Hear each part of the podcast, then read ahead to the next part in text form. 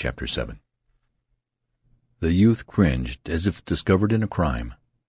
By heavens, they had won after all. The imbecile line had remained and become victors. He could hear cheering.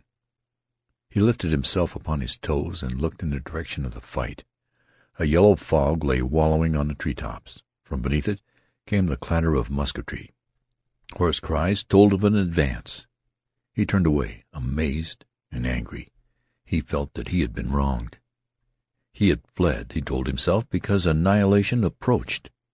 He had done a good part in saving himself, who was a little piece of the army. He had considered the time, he said, to be one in which it was the duty of every little piece to rescue itself if possible. Later the officers could fit the little pieces together again and make a battle front. If none of the little pieces were wise enough to save themselves from the fury of death at such a time, why, then, where would be the army? It was all plain that he had proceeded according to very correct and commendable rules. His actions had been sagacious things. They had been full of strategy. They were the work of a master's legs. Thoughts of his comrades came to him. The brittle blue line had withstood the blows and won. He grew bitter over it. It seemed that the blind ignorance and stupidity of those little pieces had betrayed him. He had been overturned and crushed by their lack of sense in holding the position, when intelligent deliberation would have convinced them that it was impossible. He, the enlightened man who looks afar in the dark, had fled because of his superior perceptions and knowledge. He felt a great anger against his comrades. He knew it could be proved that they had been fools. He wondered what they would remark when later he appeared in camp. His mind heard howls of derision. Their density would not enable them to understand his sharper point of view. He began to pity himself acutely. He was ill used. He was trodden beneath the feet of an iron injustice. He had proceeded with wisdom and from the most righteous motives under heaven's blue only to be frustrated by hateful circumstances. A dull, animal-like rebellion against his fellows, war in the abstract, and fate grew within him. He shambled along with bowed head, his brain in a tumult of agony and despair. When he looked loweringly up, quivering at each sound, his eyes had the expression of those of a criminal who thinks his guilt and his punishment great, and knows that he can find no words.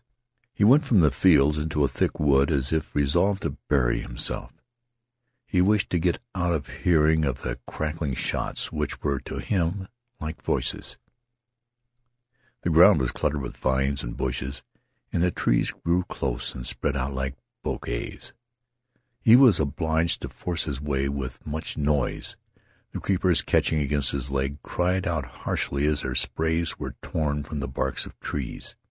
The swishing saplings tried to make known his presence to the world. He could not conciliate the forest. As he made his way it was always calling out protestations. When he separated, embraces of trees and vines and disturbed foliages waved their arms and turned their face leaves toward him. He dreaded lest these noisy motions and cries should bring men to look at him. So he went far, seeking dark and intricate places. After a time the sound of musketry grew faint and the cannon boomed in the distance. The sun, suddenly apparent, blazed among the trees. The insects were making rhythmical noises. They seemed to be grinding their teeth in unison. A woodpecker stuck his impudent head around the side of a tree. A bird flew on light-hearted wing. Off was the rumble of death. It seemed now that nature had no ears. This landscape gave him assurance, a fair field holding life.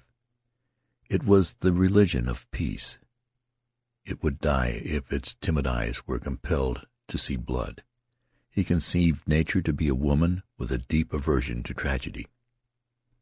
He threw a pine cone at a jovial squirrel, and he ran with chattering fear. High in a tree top he stopped, and poking his head cautiously from behind a branch, looked down with an air of trepidation. The youth felt triumphant at this exhibition. There was the law, he said. Nature had given him a sign. The squirrel, immediately upon recognizing danger, had taken to his legs without ado. He did not stand stolidly baring his furry belly to the missile and dive with an upward glance at sympathetic heavens.